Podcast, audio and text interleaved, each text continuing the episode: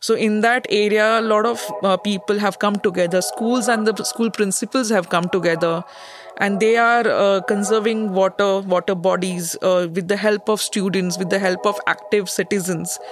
And there is a very good know-how. There is also a lot of uh, water rituals. You know, like when the rain falls and the water tank is full, a holiday is declared. There are new uh, water cultures being created. These things are also happening, and it's beautiful.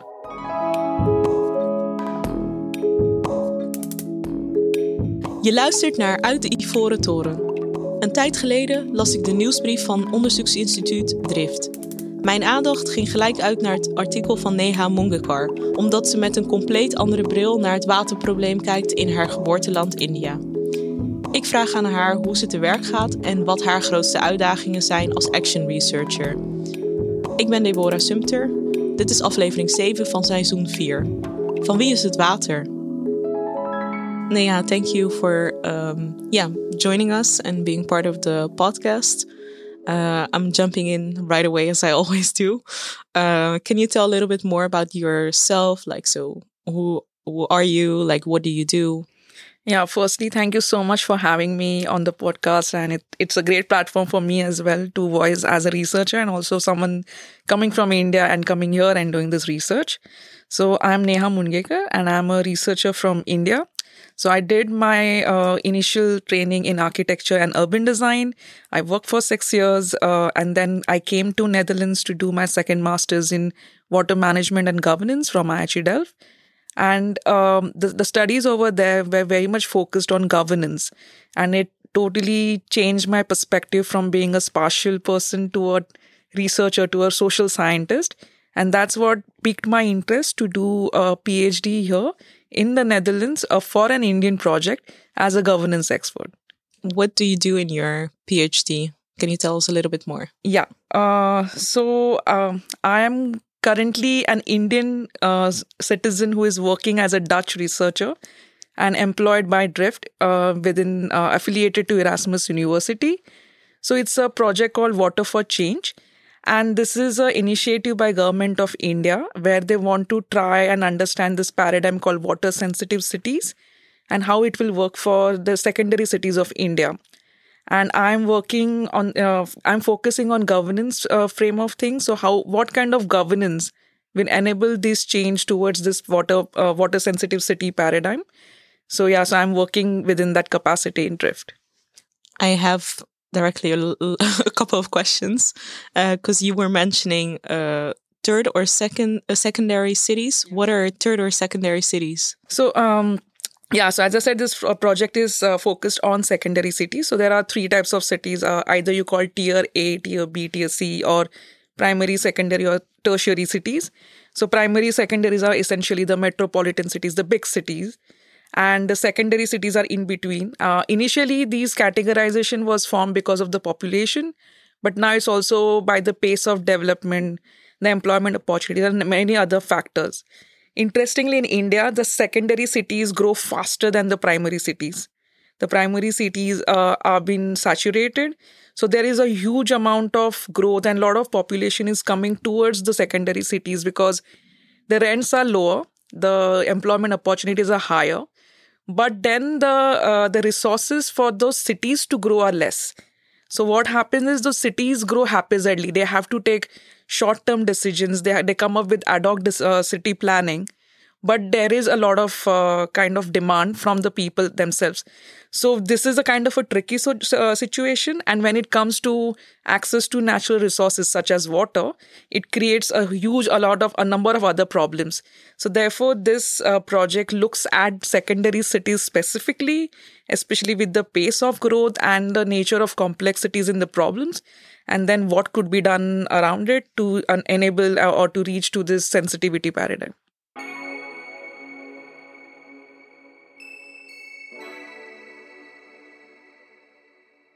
I'm talking about water sensitivity, is it like, oh, I don't, I don't dare to go in the water or in the pool, or like, what is it? So, um, it's it's it's it's sensitive is sensitive word is very concept heavy here. It's not just colloquially sensitive. So it first it means that you have to see water in its cyclic sense. So it's not just linear way of like supply water coming, you using and you throwing, but also it's it's going back to the cycle, you recycling and using it back. And it's not just the supply from the source like rivers, but also uh, water coming, say uh, from the rains uh, on the road. Uh, so it's not coming just from the water body, but also the water which is falling on your own area. That also the storm water, water supply, and sanitation, all three uh, forming a circle. And then from this cyclic cues, so we see that water uh, is is uh, forming a cycle, and then we work towards it. So it's a more cyclic use of water rather than linear. So first is that, and second is. Um, the decisions for management are just not take, taken by experts or government officials only but also includes community and community again um, there is a lot of contentions with the youth community because then who takes decision for whom is it elderly people is it men so uh, are women also part of it? So community is also not an homogeneous thing. So we try to see uh, that the representation is equal. Uh, the problems the issues are being represented. So the communities with its own heterogeneity with its own cultural thing has also been represented in management of water. So these two things go parallelly. So one is the cyclic form of water uh, the community led management and third um, the boundaries of water. So this management of water is what is falling in your area in in your zone in your watershed is what we say. So it's not uh, we you shouldn't be deciding for water which is 200 kilometers away which is actually someone else's water. And that's also something that is happening in india. So we take a lot of immense pride of in, in sending water say even 700 kilometers away.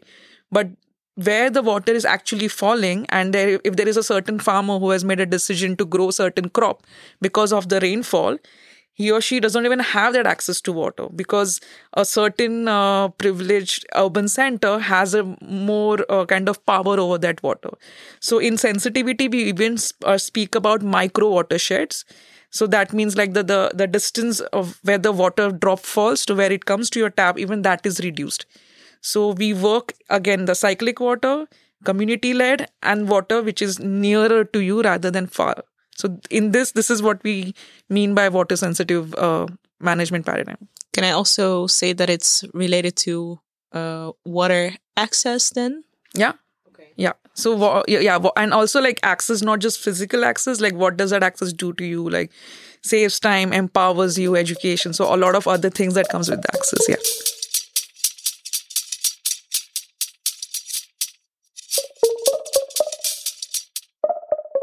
I want to jump to your research because uh, when we spoke you, also sh- shared a little bit more about like your approach.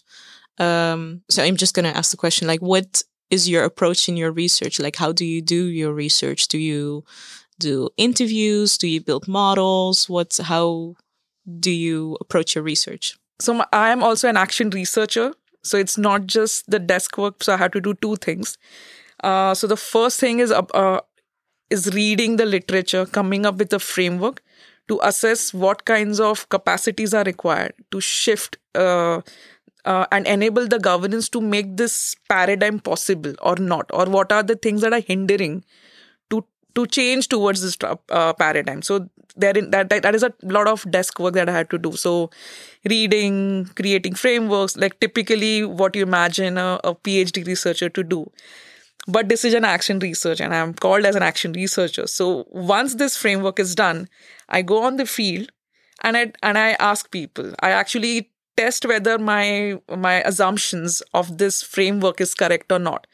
So what we do is there are five steps to it. So I have identified certain challenges, as I said, from my desk work and asking people. Then we call all these people on one table and we ask them, so now what do you think are the challenges? So here uh, they come together and they deliberate, they discuss, and they formulate a problem. So what happens here is before before this uh, uh, engagement, everyone thinks what they think is a problem is the problem.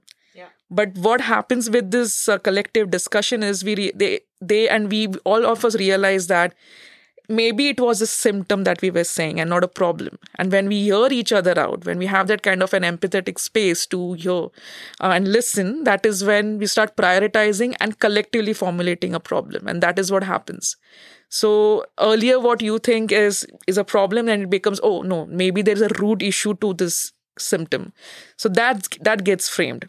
And to enable this discussion is what uh, my earlier fieldwork and my earlier desk work helps. So my research feeds into this creating of this engagement platforms. So that is step one of creating this uh, various platforms to understand. So therefore, what could be the problem? So once this collective problem has been formulated, the second step is to create this dream. So create a vision. So again, calling these people and saying, so what do you think should be the vision? And again, everyone has their own capacity, right? Because an engineer thinks in one way, a hydrogeologist thinks in one way, a user wants something else.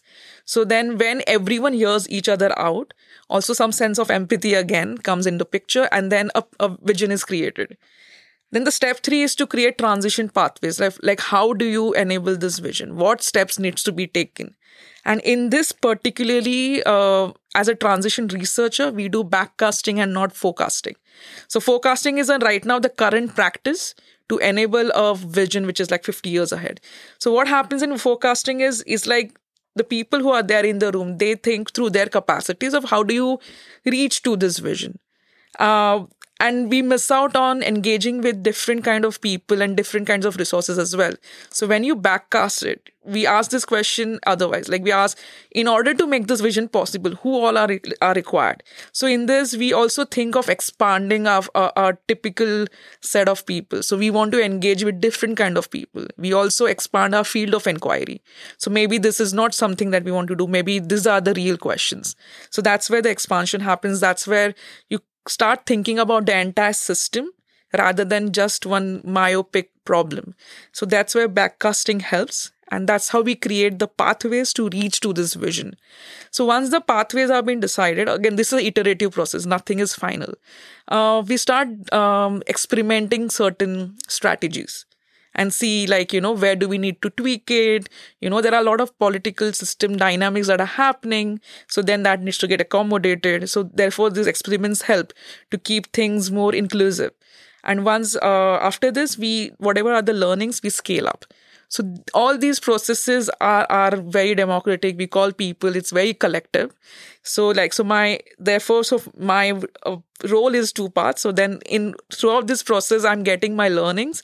So i'm writing i'm assessing i'm researching and i'm giving it back uh, as a researcher to this process.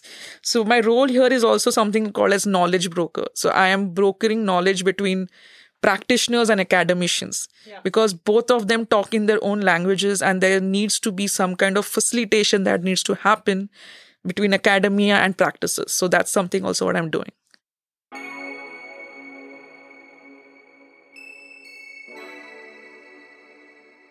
Also what i'm doing how is it to have all the different roles? Because I hear you saying you're an action researcher, you're a knowledge broker, uh, you build frameworks. So it seems like a lot of roles. How, yeah, how do you deal that and deal with that and change all this different the all the different roles?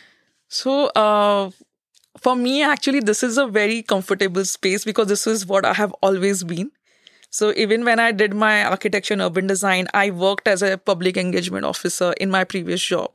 So my role was to, you know, have that spe- spatial plan and uh, speak to people, understand what are the requirements, you know, appropriate it and give it back.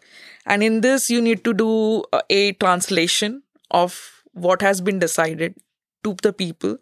Also translate what people's requirements are to those meta level governance uh, experts or decision makers. And these are two different languages, and that's where facilitation helps. And um, so, as a practitioner, I used to work as a knowledge broker and a facilitator.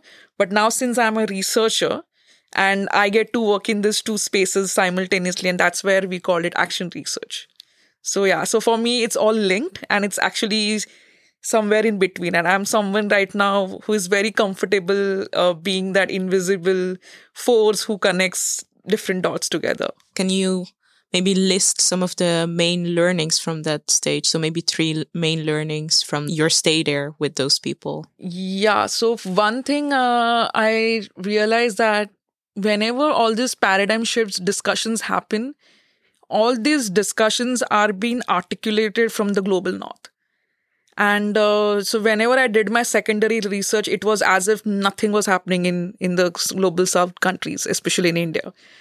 And uh, and it was as if the north had the answers for the south so when i went i actually saw a lot of being a lot of those activities already been done in india so because uh, we have a centralized water system happening although our policies have ratified decentralized and hybrid water systems. Uh, we have ratified IWRM, Integrated Water Resource Management, as a management uh, processes uh, to manage water in India. However, it did not happen. It's not happening. It's not. It's not translating on the ground. So there are a lot of actors who have taken it on themselves, who are motivating bunch of people. Like one of our cities is in Bhuj, which is uh, in in in a very extreme western point in India, which is semi-arid. So in that area, a lot of pe- uh, people have come together. Schools and the school principals have come together, and they are uh, conserving water, water bodies uh, with the help of students, with the help of active citizens. And there is a very good know-how. There is also a lot of uh, water rituals, you know, like when the rain falls and the water tank is full a holiday is declared. So, you know, a lot of their everyday, there are new uh, water cultures being created so that the conservation practice could be institutionalized. So, there are these things also happening and it's beautiful. And that's what we need to, you know, amplify it rather than saying this is what the North has said and this is. I mean, by saying this, we're actually again colonizing it. Can you, like, really shortly explain, like, what uh, what's the global North, what's the global South? Yeah. Yeah, so this is also something which is not uh, like a like a perfect textbook answer, but global north essentially means like the Americas, the Europe, and the Australia. So the the industrialized, uh, powerful houses, you know, where the academicians uh, who also fund a lot of academics, and and a lot of these papers are also coming from these areas. And global south essentially means the the Asian, the South Amer- uh, South American, and the African. Uh, and again, India falls in the industrialized or industrializing uh, developing economies so yeah so that's that's what i meant by global south and and all these uh, water management paradigms say iwrm water sensitive cities uh, then there is uh, LID. What is what is IWR? IW uh, Integrated Water Resource Management. So there were many of these management paradigms of telling how water should be managed. It came mostly from the European countries. Um, so again, so these ideas are coming from the Europe and telling the the southern countries like India, uh, Africa, where there is uh, like South Africa, you know, like how do you manage water? So now imagine these countries are facing issues. India is facing pollution, India is facing floods, India is also facing droughts. So when these things happen, there are also these motivated actors who come together and formulate certain solutions. And um, the, these solutions are something that we need to understand how they are being made and that is what needs to be amplified so this is something when i went to the field i saw uh, one of the important uh, conceptual tool that I'm using is informality. So when I say informality, uh, it's it's not something which is binary, like opposite of formal is informal. No, it's it's it's actually more than that. Informality for me is are these processes that uh, for certain activity, how that activity is broken and who all come together to make that activity possible. And to make that activity possible, you need to have personal networks. You need to have sense of motivation, you know, so these kind of things make that activity possible. So that form is informality. So when there are these formal tools, so when we say policy, let's break it down and say there are formal scriptures. It's telling you ways to do things and these ways to do things do not is too generalized. Sometimes it misses out on this nuanced issues on ground. And and that is the time when there's all these local actors they know it. So uh, even the government actors you know the local instituted government actors know those uh, incapabilities of certain formal tools cannot you know find solutions to the local problems. Yeah so i want want to move now from your research and what you've been telling us about your uh, approaches to um, yeah some final questions one of them is so the LDE uh, alliance exists for 10 years uh, um, this year and um, the team is the next 10 years and i would wanted to ask like you what do you think the most important breakthrough thing is that should happen within your research domain? Should happen. I, I think it's already happening for me. Is um, an acknowledgement of process based uh, research because uh, I also came from a background of creating solutions, creating outputs. Like as an architect, my job was to do things. But um, after coming here, I realized um, we need to work on the mechanisms as well like we need to work on v- how to enable that change for that output to be positioned to be anchored in and that is something that is uh, i'm glad to be here placed in drift because we work on transitions and these kind of designing mechanisms and that is something that needs to be done and that's why you also need different kinds of professions you need different disciplines and uh, do when you actually start working on mechanisms you realize that it's not a linear problem. For one problem, you have one kind of solution and one medicine. No, it's not like that. You need a set of people to assess and and say what is the, diagnosis of a problem. So the framing of the problem is one thing. Thinking of the mechanism is one thing and creating a solution is another. So you therefore need different professions, different disciplines to come together and think of these mechanisms. Yes. So uh, this season we uh, decided to ask uh, the previous guest uh, to formulate a question for the follow up guest. So we just talked to Anna Luisa Peters. She's a researcher from the TU Delft, and she's looking at the role of designers uh, in transitions. So how can they help design uh, transitions? And she had a question for you. What I would love to hear is uh, also with you know my, my, background in design and and always designing for people is how um, how you what your engagement strategies would be for um, these local communities to to get that voice that you hope they'll get in um, decentralizing the water system. So how do you engage those people?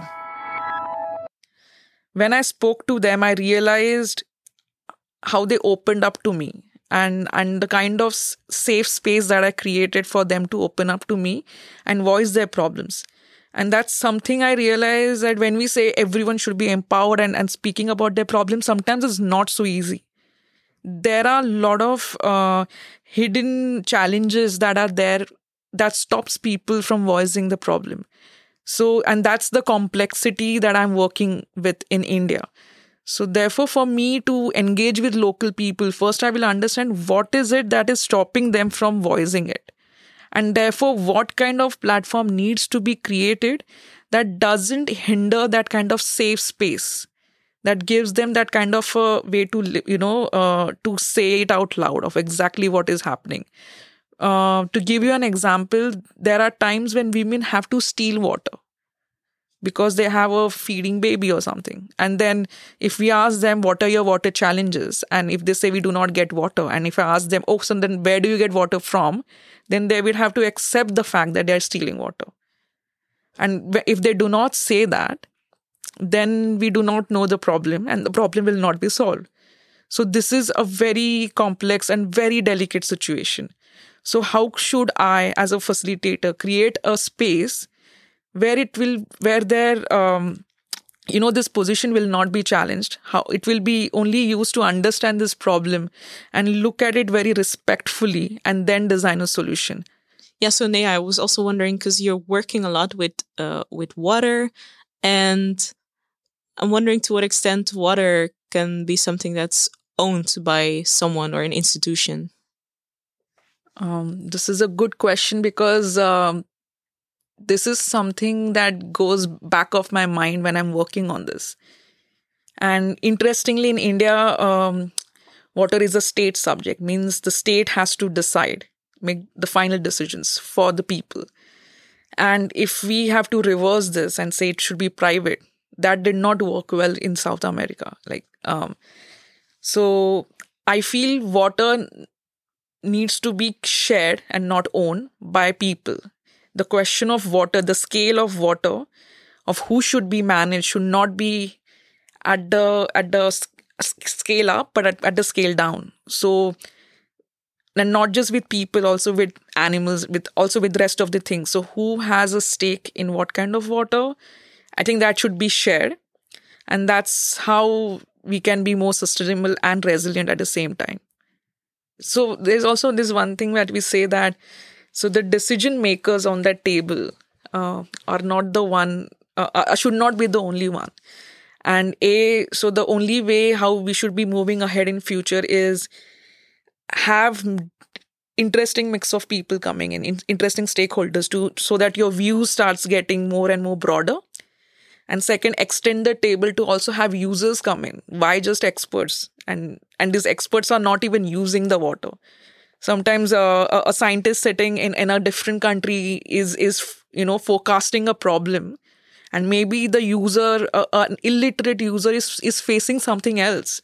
Why can't we have that user also saying that that voice has a huge impact and a huge meaning so it's not just a, a double phd held scientist uh, having uh, just an authority but along with that it should also be users. Along with that you should also have this different uh, experts and different experienced people who can also add on to that discussion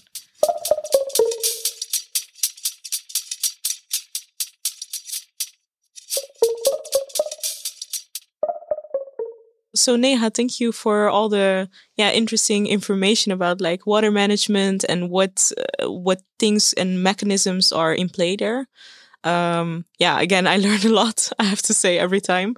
Um, so thank you for being here. Thank you so much for having me, and I'm. Uh, yeah, it was a great exercise for me to also speak things simply, and that's also what us PhDs uh, we face this. We talk to academically, and that's also how me as a knowledge broker has to keep on you know changing my language and it was a great exercise for me. And thank you for these amazing questions because it also helped me reflect on my research. Thanks.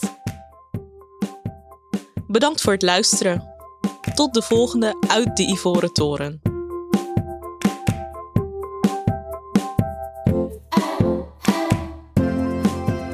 Uit de Ivoren Toren is een podcast van het Leiden Delft Erasmus Center for Sustainability. Meer informatie over onze gasten vind je op onze website. De link vind je in de show notes. De productie is in handen van Klank.